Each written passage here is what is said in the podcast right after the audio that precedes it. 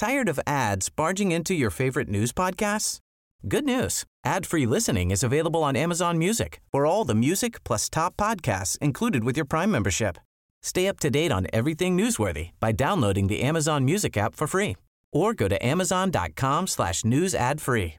That's amazon.com slash news ad free to catch up on the latest episodes without the ads. Hey, I'm Ryan Reynolds. At Mint Mobile, we like to do the opposite of what Big Wireless does. They charge you a lot, we charge you a little. So naturally, when they announced they'd be raising their prices due to inflation, we decided to deflate our prices due to not hating you. That's right. We're cutting the price of Mint Unlimited from $30 a month to just $15 a month. Give it a try at mintmobile.com slash switch. $45 upfront for three months plus taxes and fees. Promo for new customers for limited time. Unlimited more than 40 gigabytes per month. Slows. Full terms at mintmobile.com. Hey, I'm Ryan Reynolds. At Mint Mobile, we like to do the opposite of what Big Wireless does. They charge you a lot, we charge you a little. So naturally, when they announced they'd be raising their prices due to inflation, we decided to deflate our prices due to not hating you. That's right. We're cutting the price of Mint Unlimited from $30 a month to just $15 a month. Give it a try at mintmobile.com slash switch. $45 upfront for three months plus taxes and fees. Promo rate for new customers for limited time. Unlimited more than 40 gigabytes per month. Slows. Full terms at mintmobile.com.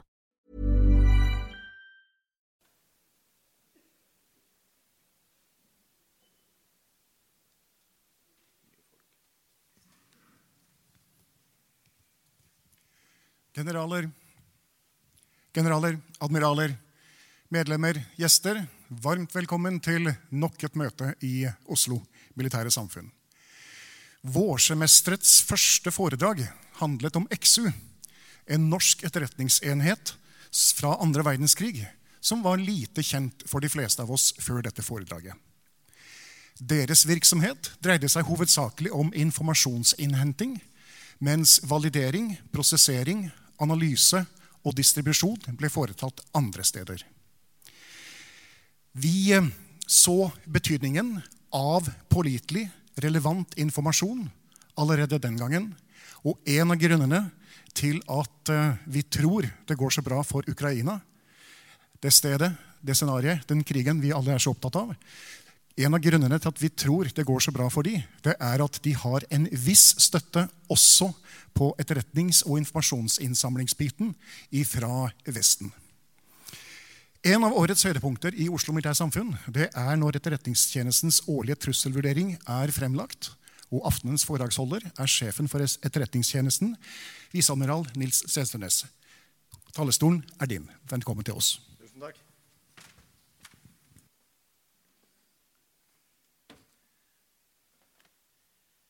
Ja, eh, Formann og ærede forsamling, veldig hyggelig å være her. Spesielt hyggelig at eh, søstera, svogeren og niesen min er her. Det er litt ekstra press, da. Det må jeg innrømme. Veldig hyggelig å uh, se at det er så mange. Litt nærmere. Prøver på nytt. Nei. Der, da? Ja, ja. For det var veldig god der inne, men her var det ikke så i salen. Skal vi se. Sånn. Nytt forsøk. Eh, Men eh, som formann sa, så, kan jeg bekrefte det at Ukraina hadde ikke klart seg så bra hadde det ikke vært for at de fikk etterretningsstøtte. Ukraina visste at angrepet kom. De visste grovt sett hva som kom til å skje. Og de hadde en god del detaljer. Eh, og det var egentlig den situasjonsbildet vi også hadde før invasjonen. Jeg kommer ikke til å si så mye om krigen, men når jeg først begynner der, så tror jeg jeg begynner med en liten innledning. Vi visste ganske tidlig at Russland planla å invadere. Vi visste grovt sett hvordan de hadde tenkt å gjøre det. Så så vi at de flyttet styrker, de flyttet fartøy, de flytta fly, og de begynte å gjøre det sånn som de planla. Og da var det ikke så veldig vanskelig å få bekreftet at det var det de gikk for. Og så så vi når det begynte å nærme seg at nå er de forbi planleggingsstadiet. Nå står de oppmarsjert og skulle skje, eller skulle starte invasjonen. Og Derfor var det også ganske med stor sikkerhet vi kunne fortelle norsk politisk ledelse noen dager før dette skjer. Men eh, la meg gå til eh, selve foredraget og Fokus 2023. Dette er 13. gang eh, vi eh, publiserer den rapporten.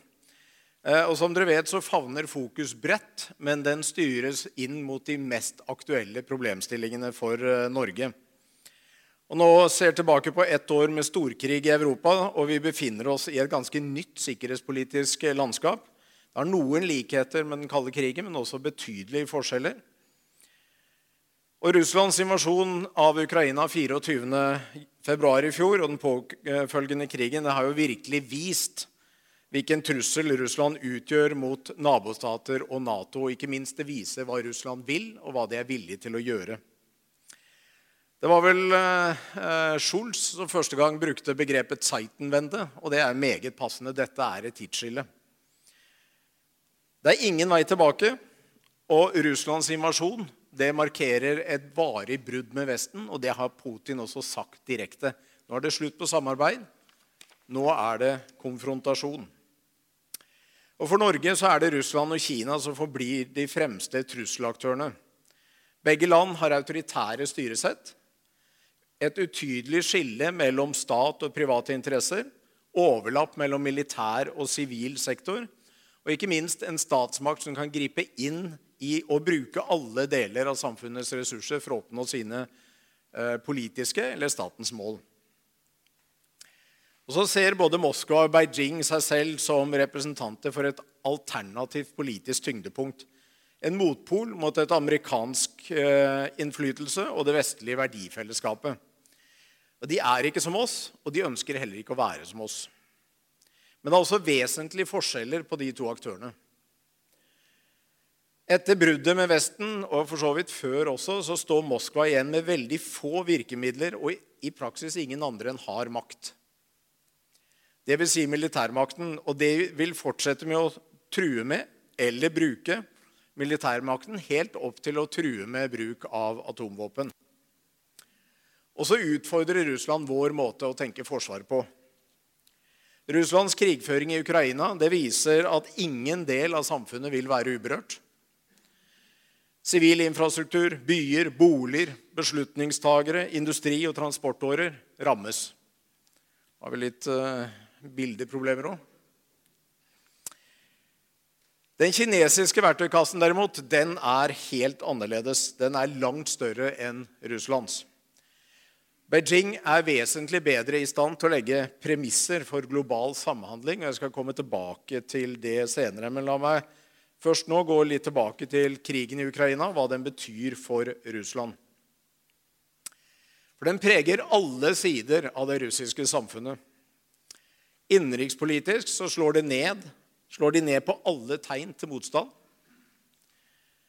Putins skjebne er bundet til utfallet av denne krigen, og regimet kontrollerer derfor mediebildet til de grader. Og prisen for å uttrykke misnøye den er svært høy, både blant eliten og for befolkningen. Demonstranter blir arrestert, opposisjonelle politikere er enten fengslet, drevet på flukt eller sågar drept. Og det finnes ingen politiske alternativer å mobilisere rundt i Russland i dag. I økonomien så prøver Russland nå å erstatte bortfallet av vestlige varer og finne nye markeder. Men effekten av sanksjonene kommer til å bli enda tydeligere i Russland og for befolkningen, også eliten, gjennom 2023. Og utvandring legger stort press på arbeidsmarkedet i ganske viktige sektorer for Russland. Og Verdensbanken spår en nedgang eh, i Russlands bruttonasjonalprodukt på 3,6% Men samtidig så øker forsvarsbudsjettet med 34% Og forsvars- og justissektoren utgjør nå en tredjedel av Russlands statsbudsjett. Og det vil jo gå utover alt annet, så det blir mindre penger til helse, omsorg, andre tjenester som befolkningen trenger. Og også mange i eliten vil lide store økonomiske tap.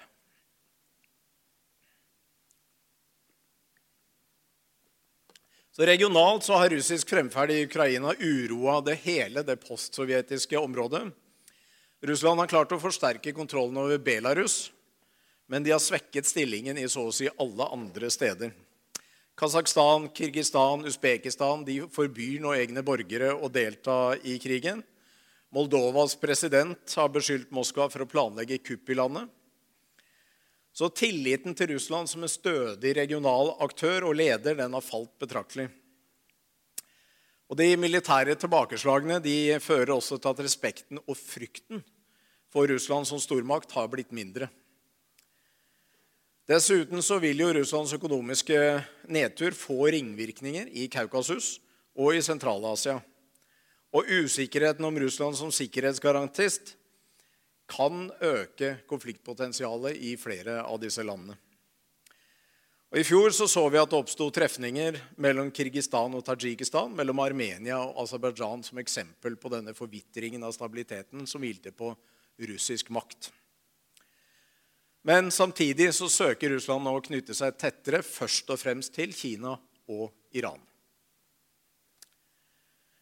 I Europa så fortsetter jo Moskva å prøve å forsøke å så splid og bryte ned samholdet for å svekke vestlig støtte til Ukraina, med særdeles dårlig suksess. Og Vi så jo siste eksempelet på det i dag. President Biden som står sammen med Zelenskyj, det er jo det fremste eksempelet på vestlig samhold. Og Krigføringen det har vært en katastrofe for Russland. Førstkommende fredag så er det som sagt et år siden invasjonen. Og den russiske militærmakten de har i stor grad kjørt seg fast. Det Russland opprinnelig beskrev som en spesialoperasjon som skulle gå rett på Kiev, demotivere styrkene og få Ukraina til å gi opp, har utvikla seg til en utmattende defensiv stillingskrig langs en front på 2500 km. Det er en lang front å holde kontroll på. Og Russiske styrker fortsetter å angripe på samme måte som vi har sett de siste elleve månedene. Det er altså ingen tegn til fornyelse eller nye initiativ eller noe vesentlig endring i fremgangsmåten. Vi er tilbake til eh, et eller annet sted mellom første og andre verdenskrig i måten de driver krigføring på. Og Målet nå synes å ta mer terreng i Donbass. Og Disse kampene der, og rundt, særlig rundt Bakhmut, har gjort at begge parter nå lider store tap. altså Flere tusen soldater og store mengder materiell er tapt. Russland har forsøkt angrep mange andre steder i fronten, også uten suksess. Men de fortsetter å prøve å ramme ukrainsk infrastruktur. Og For to uker siden så kom nok et missilangrep, og vi så et eh, senest denne uken. Og noen av missilene har nå krenket moldovsk territorium. Det er nytt. Og så er tallene over tap eh, veldig varierende. Vi sier minst 100 000.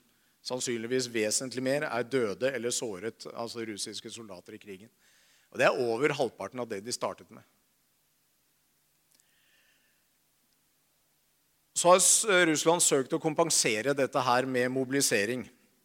Men de mangler fortsatt som sagt, offensiv kraft, og vi ser ingen sånn signifikant fornyelse av initiativene. De har tapt fem, over 5000 pansra kjøretøy, langt over 1000 stridsvogner. Og så har de brukt opp store mengder ammunisjon. Og vi ser at nå henvender de seg ganske bredt for å få erstattet det. Iran, Nord-Korea kanskje de fremste som de prøver å, eller kjøper ammunisjon fra nå.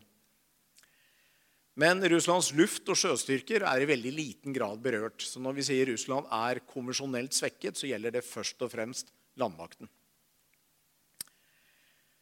Men til tross for de militære tilbakeslagene og svekket eh, evne, så er det vår eh, oppfatning at Putins mål står. Han har til hensikt å sikre seg kontroll over Ukraina. Og Kreml er forberedt på at dette kan bli langvarig. Og de har troen på at de har tiden på sin side, at deres utholdenhet er lenger enn vestlig evne til å stå sammen og støtte Ukraina. Og det er helt tindrende klart uten vestlig støtte så ville Ukraina tape denne krigen. Så det er helt vesentlig at vi står samla og klarer å støtte Ukraina gjennom den forferdelige krigen de nå slåss. Men så er vi også ganske trygge på at på lang sikt så vil denne svekkede russiske militærmakten ikke vare. Som sagt, Russland har ikke noe annet for å hevde sin stormaktambisjon enn hard makt. De har mistet handels- og utenrikspolitiske virkemidler, og derfor må de hvile på eh, den harde makten. En viktig målsetning for Russland blir derfor å gjenreise den konvensjonelle militære evnen I tillegg til å videreutvikle strategiske våpen, herunder nye atomvåpen. Så hva betyr dette her for Norge? Utviklingen i det siste året det har økt Norges geopolitiske betydning i russiske øyne. Det følger bl.a. av svensk og finsk Nato-søknad. Nato-utvidelsen knytter Norge sammen i Norden og tettere på Østersjøen. Et av Russlands viktigste militære operasjonsteatre. Det følger også at norske energileveranser er nå avgjørende for Europa så norsk gass har blitt et sikkerhetspolitisk anliggende for Europa. Og så har krigen befestet og forsterket Russlands behov for å sikre sine interesser i Arktis. Og Det skyldes at Arktis neppe kan holdes unna denne konfrontasjonen som jeg nevnte Putin ser for seg med Vesten. For en stor del av Russlands nukleære avskrekningsstyrke befinner seg på Kolahalvøya. Som du vet, det er bare noen få kilometer fra norskegrensen. Det vi frykter, det er at spenningen i nord kan øke. Men vi ser så langt ingen tegn til det. Når allierte enheter opererer i nord, så opptrer Russland avmålt og forsiktig. Og det er for å unngå faren for at krigen i Ukraina skal spre seg til et annet område. De har nå sendt eh, tre fjerdedeler, eller 80% av styrkene sine fra nord til Ukraina. Da er det klart, da ønsker de ikke usikkerhet der oppe. Det gjelder landstyrkene først og fremst. Men det blir også mer krevende å forutsi hvordan russiske beslutningsprosesser som angår Norge og Norges eh, nærområder, kommer til å bli. Moskva ser nå eh, Norge i større grad som en del av det vestlige sikkerhetspolitiske fellesskapet, og i mindre grad som en vennlig nabo. Så ser vi at I Russland så skal skaleres den diplomatiske innsatsen i Vesten ned. Og så ser vi at bilateral politikk utformes nå mer sentralt enn det gjorde før. Og vi ser at fagmiljø og embetsverk som til nå har befattet seg med Norge og forstår Norge, har betydelig mindre innvirkning på politikkutforming i Moskva. Det foregår nå stort sett i presidentadministrasjonen, som kjenner våre spesielle forhold, vårt spesielle naboskap, vesentlig dårligere enn de tradisjonelle aktørene. Og Det betyr at deres evne til å forstå norske politiske standpunkt og eh, særegne forhold hos oss blir svekket.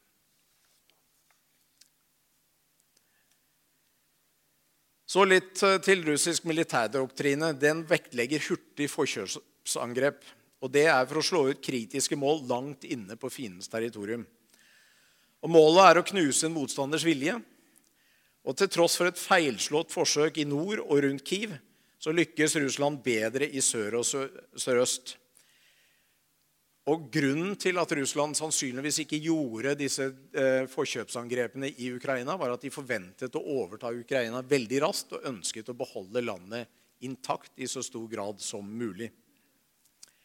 Men do doktrinen består, eh, og den vektlegger rask ødeleggelse av kritisk infrastruktur.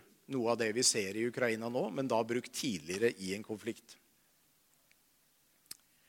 Og I en slik situasjon så vil varslingstiden være veldig kort. Men det er egentlig et betryggende tegn at vi så oppmarsjen til invasjonen i Ukraina så tidlig. Eh, og vi får inderlig håpe vi være i stand til å se det samme hvis det skulle nærme seg våre områder. Men som jeg nevnte tidligere, våre strategiske eller våre nabolag har større betydning for Russland.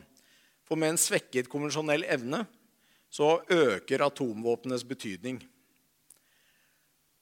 Og Russland besitter et eller annet sted mellom 4000 og 5000 operative kjernefysiske stridshoder med ulik, ulik ytelse.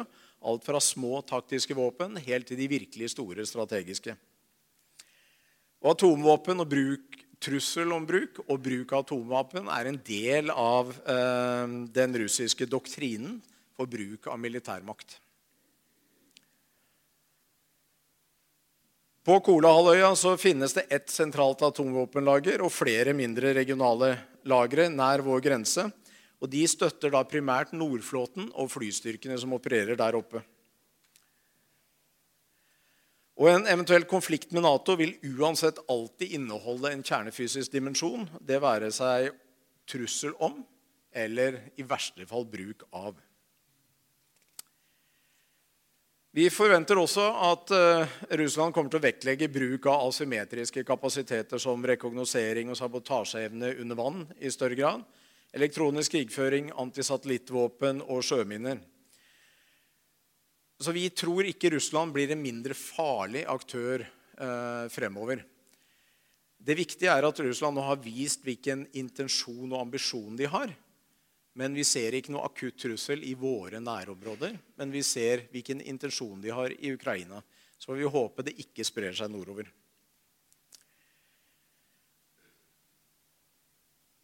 Langtrekkende presisjonsvåpen det utgjør en sentral del av Russlands strategi for avskrekking og krigføring mot Nato.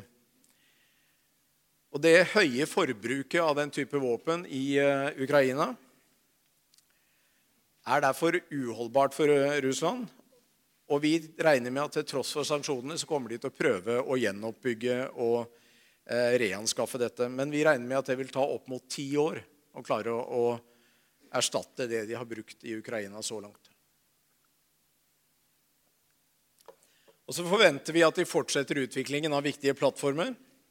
Men tidsskjema kan måttes forskyves, og innfasing av nye atomvåpen og ubåter vil prioriteres. Men det er klart disse sanksjonene treffer i stor grad avanserte komponenter som Russland har brukt i sine langtrekkende presisjonsvåpen og sine avanserte plattformer. Vi finner veldig mye vestlige komponenter i de langtrekkende presisjonsvåpnene som er brukt i Ukraina. og Det drives selvfølgelig en sånn tydelig forensics der for å plukke opp og se hva de bruker, og hvilke komponenter. Det er en viktig del av sanksjonspolitikken for å passe på at de ikke får tak i de komponentene de bruker. Men Nordflåtens evne til å sikre tilgang til Atlanterhavet det forblir viktig etter hvert som Russland nå fortsetter å modernisere plattformene som jeg var inne på. De får flere moderne multirolleubåter som kan true østkysten av USA, men også forsyningslinjene over Atlanterhavet. Og veldig mange, eller Flere av disse systemene testes ut i våre eh, nærområder. Og vi har jo hatt flere eksempler på, eksem eh, på, ulykker i forbindelse med testing av disse våpnene, og den faren den kommer til å bestå. Og To av våpnene som testes i våre nærområder nå, de har kjernefysisk fremdrift, og det er noe helt nytt. Det har vi aldri sett før på våpen. Det er kryssemissilet Skyfall og det autonome torpedosystemet Poseidon. Hey, I'm Ryan Reynolds. Recently, I asked Mint Mobile's legal team if big wireless companies are allowed to raise prices due to inflation. They said yes. And then when I asked if raising prices technically violates those onerous two-year contracts, they said, "What the f*** are you talking about? You insane Hollywood ass." So to recap, we're cutting the price of Mint Unlimited from $30 a month to just $15 a month. Give it a try at mintmobile.com slash switch. $45 up front for three months plus taxes and fees. Promoting for new customers for limited time. Unlimited more than 40 gigabytes per month. Slows. Full terms at mintmobile.com. Tired of ads barging into your favorite news podcasts? Good news. Ad-free listening is available on Amazon Music for all the music plus top podcasts included with your Prime membership. Stay up to date on everything newsworthy by downloading the Amazon Music app for free or go to amazon.com slash news ad free. That's amazon.com slash news ad free to catch up on the latest episodes without the ads.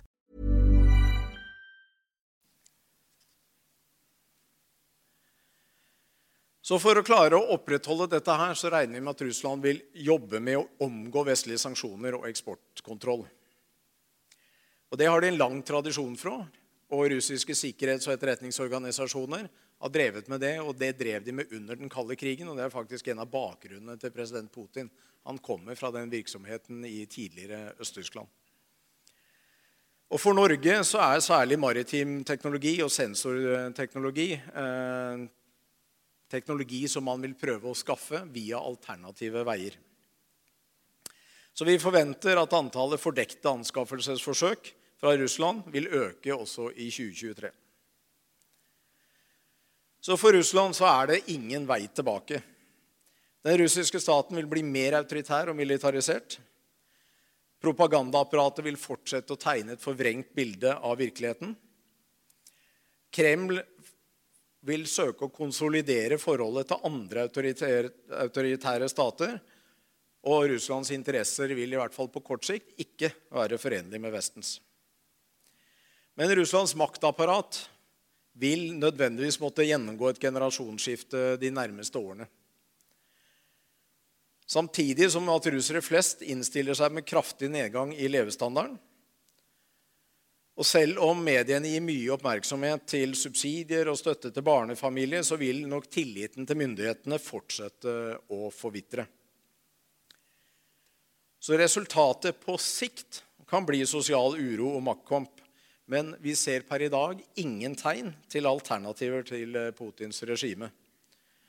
Opposisjon eller folkelig opprør som kan true hans grep om makten, er så å si fullstendig fraværende. Men det er også viktig å legge merke til å se tegnene på et brudd i et sånt regime. Det er svært vanskelig. For det er ingen som tør å stå åpen frem. Så når det skjer, så har det en tendens til å overraske alle rundt.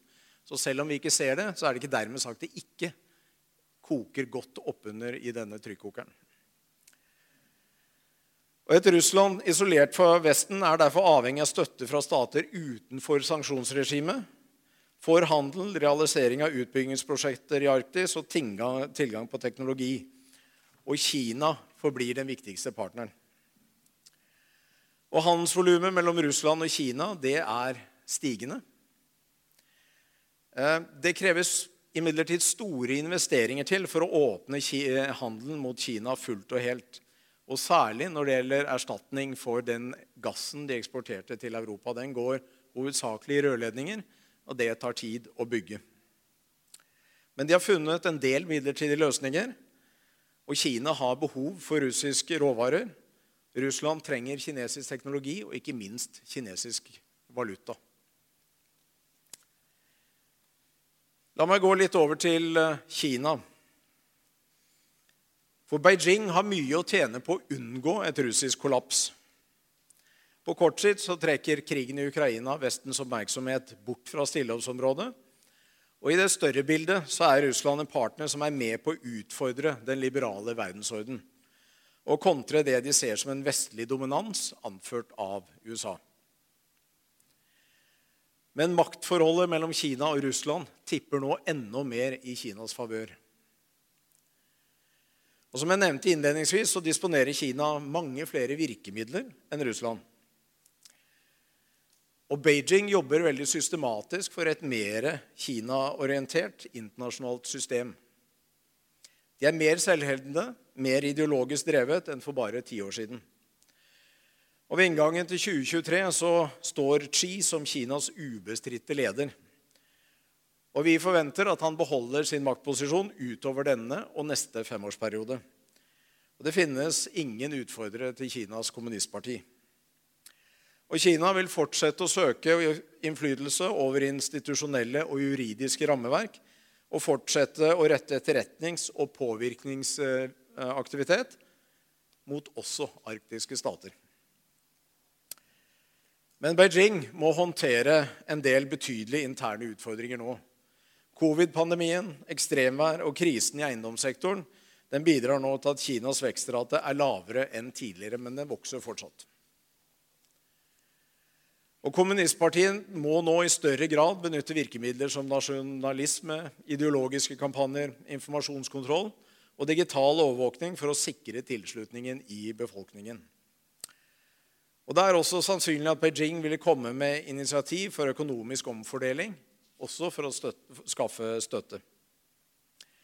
Men selv om det skulle forekomme misnøye i den kinesiske befolkningen, så vil det neppe komme til uttrykk som en kollektiv motstand mot sentralmyndighetene. Organisert uh, motstand er svært vanskelig i Kina. Myndighetenes overvåkning og sensurkapasitet er omfattende, og kritikk av regimet er nå kriminalisert.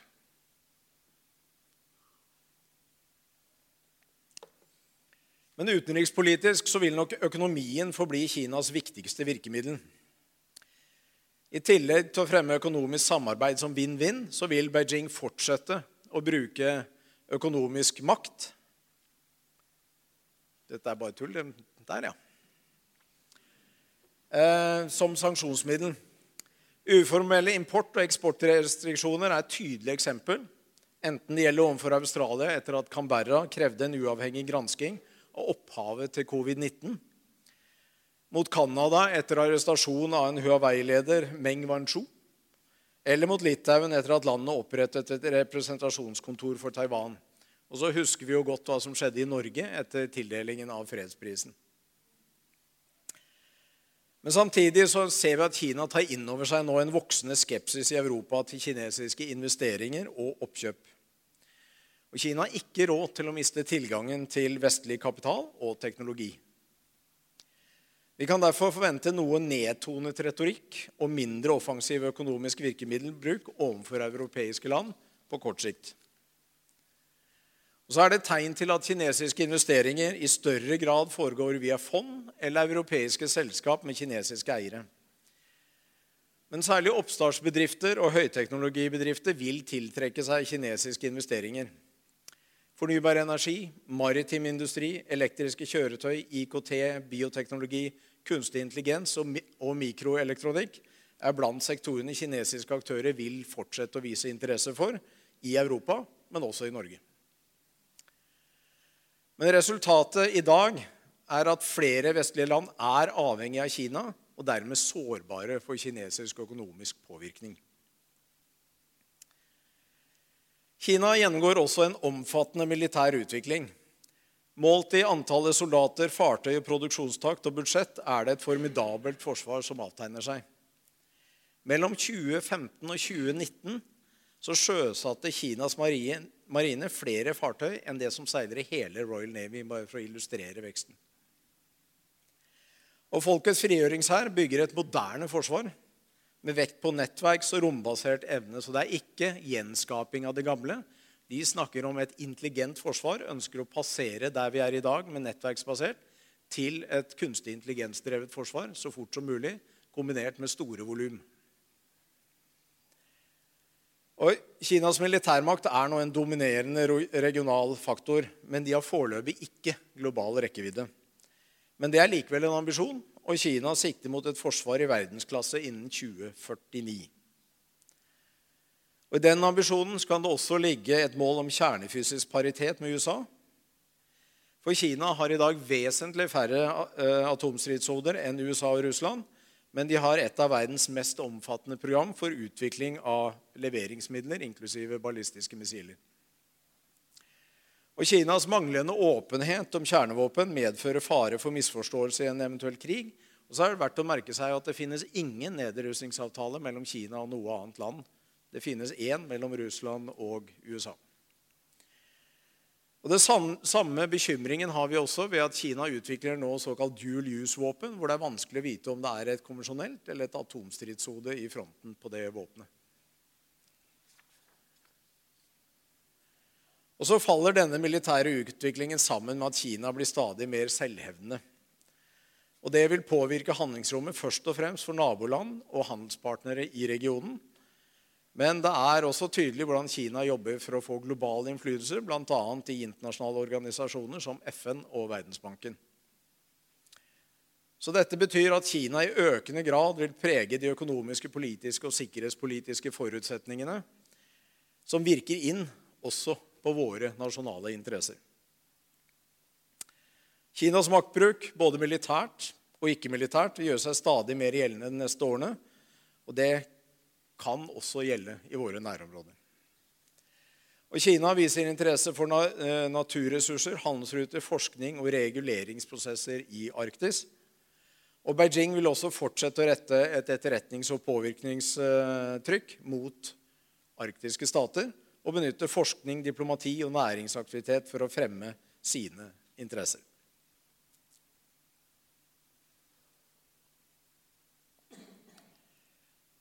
For de av dere som har lest, eller for de av dere som vil lese Fokus, så vil dere se at det er andre faktorer som også påvirker norsk sikkerhet.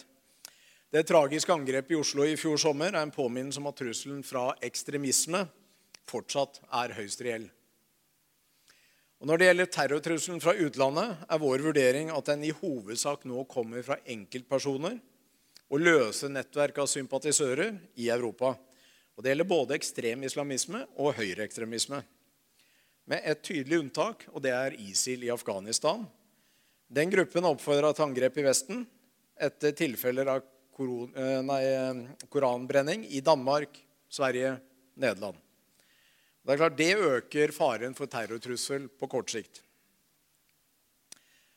Mer overordnet så har jo kampen mot terror og innsatsen nå fra etterretnings- og sikkerhetstjenester innskrenket handlingsrommet til terrororganisasjoner. Så trusselen generelt er lavere, og særlig fra organisasjoner. Men likevel så avdekkes det stadig alvorlige saker knyttet til oppfordring, opplæring og konkrete angrepsplaner. Og De involverer ofte svært unge mennesker som er radikalisert på nett. Så det er altså trusselbildet vi står overfor eh, ved begynnelsen av 2023. Den russiske militærmakten forblir den dimensjonerende militære trusselen mot Norges suverenitet, mot befolkning, territorium, sentrale samfunnsfunksjoner og infrastruktur. Men en stor del av Russlands landstyrke kommer til å være bundet opp i Ukraina, men luft- og sjøstyrkene er i stor grad intakt. Beholdningen av presisjonsvåpen er kraftig redusert, men den vil bygges opp igjen. Det kan som sagt ta inntil ti år. Men Russland har beholdt en strategisk reserve av også disse. Og Så lenge de konvensjonelle styrkene er svekket, så vil atomvåpen spille en tydeligere rolle. Og Kreml kommer til å fortsette å skape usikkerhet om viljen til å bruke atomvåpen. I tillegg så kan vi forvente økt russisk etterretningsvirksomhet og fordekt påvirkningsaktivitet. For de har i realiteten ingen eh, troverdighet i det åpne informasjonsarbeidet. De har veldig liten evne til å drive diplomati og påvirkning, og da gjenstår egentlig bare de fordekte virkemidlene. Men i Vesten så vil nok myndighetsskeptiske miljøer, politiske ytterliggående miljøer og miljøer som er engasjert i saker med konf stort konfliktpotensial, være særlig utsatt for påvirkningsforsøk. Og mer generelt miljøer som jobber med saker som har særlig betydning for Russland, som norsk sikkerhets- og forsvarspolitikk, ikke minst vårt forhold til allierte, og norsk våpenstøtte til Ukraina, være aktuelle mål for russisk påvirkning. Men krigen i Ukraina rokker også med en annen idé, og det er at tettere økonomisk samhandel reduserer faren for konflikt mellom stater. Samhandling skaper også nye sårbarheter. Avhengigheter i forsyningskjeder blir tydeligere, eh, også brukt for åpen utpressing. Og Russlands struping av gasstilførselen til Europa er et klart eksempel på hvordan det kan utnyttes. Og Den type handlinger understøttes da av desinformasjon i russiske statlige medier og tilsynelatende uavhengige nyhetskilder, som i virkeligheten er kontrollert av myndighetene. Den samme eh, forståelsen har vi hatt i vårt samvirke med Kina. Det har vært en grunnstein i vårt eh, forhold til Kina de siste 20 årene. Men vi er på et litt annet sted nå. Kinas økonomiske og handelsmessige posisjon og tilsvarende Vestens avhengighet av Kina beskrives nå oftere som en sikkerhetstrussel, og Nato omtaler Kinas ambisjon og fremferd som en systemisk utfordring for den regelbaserte verdensorden.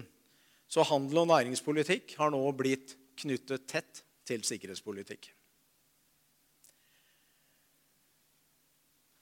Så det jeg har beskrevet nå, er et mer komplekst trusselbilde og vi ser at stormaktenes militærmakt har fått større betydning som politisk instrument, også i fredstid. Og de benyttes i kombinasjon med ikke-militære virkemidler, åpne og fordekte, i det fysiske så vel som det digitale rom. Og Vestlig bekymring møtes nå i stadig større grad med hard retorikk både i Moskva og Beijing. Og Målet er som sagt å sette Vestens verdifellesskap og samhold og alliansepolitikk under press. Og Det gjør at vår eh, oppgave og vår eh, jobb i Etterretningstjenesten blir mer sammensatt. Og Vi er helt avhengig av at vi evner å tilpasse oss og ligge i forkant av utviklingen. Vår jobb er å gi våre politiske Eh, ledere og militære ledere råd om hva som skjer. og Da må vi oppfatte det før de trenger å ta en beslutning, sånn at vi kan gi dem en god situasjonsforståelse. Vår mål er å være en tilpasningsdyktig og lærende tjeneste. En god forvalter av den tilliten vi nyter hos norske myndigheter, i befolkningen og hos våre samarbeidspartnere.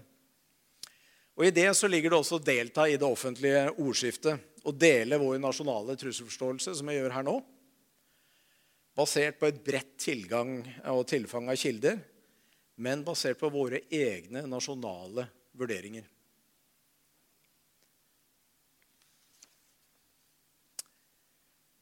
I fjor så sto vi eh, både her eh, og når fokus ble levert til eh, forsvarsministeren, og sa at det var mulig med et russisk angrep.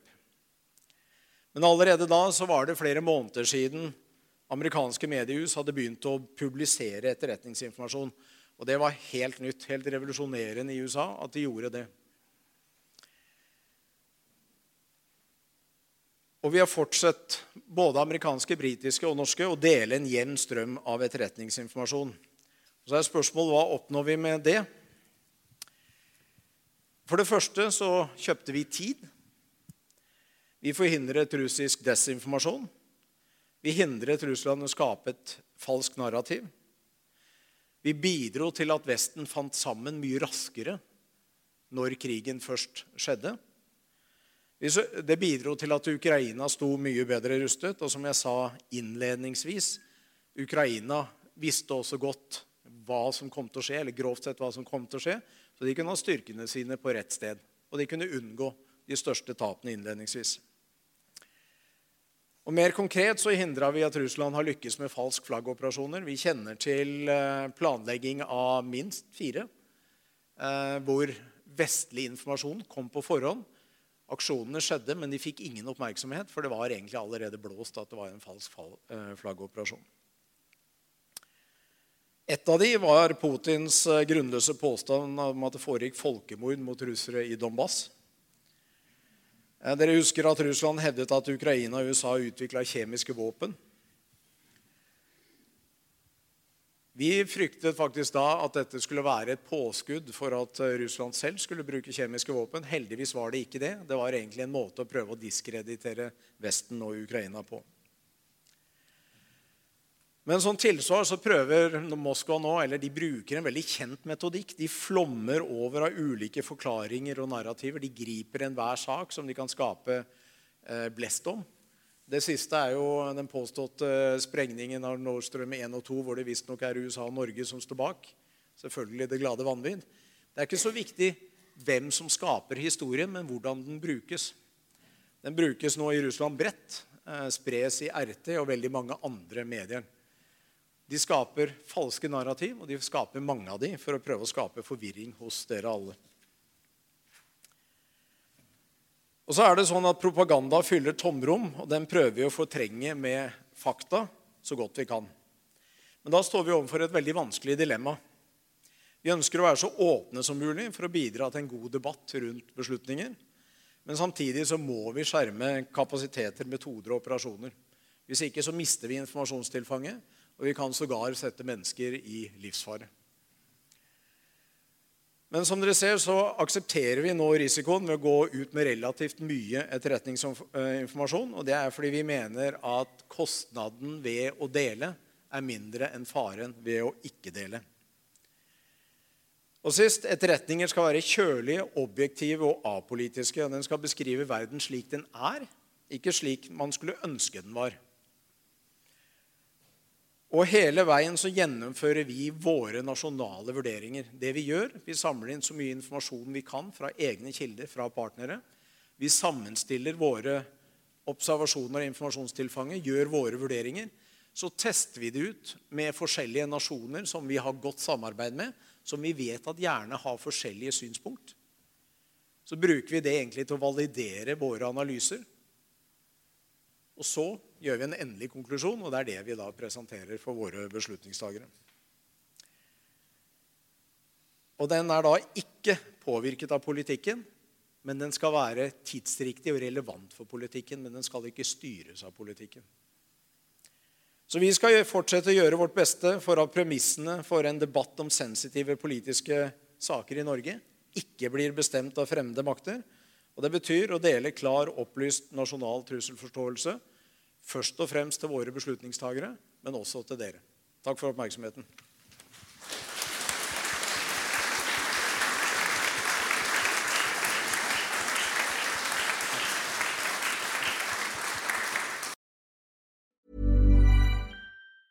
Tired of ads barging into your favorite news podcasts? Good news. Ad-free listening is available on Amazon Music for all the music plus top podcasts included with your Prime membership. Stay up to date on everything newsworthy by downloading the Amazon Music app for free or go to amazon.com slash news ad free. That's amazon.com slash news ad free to catch up on the latest episodes without the ads.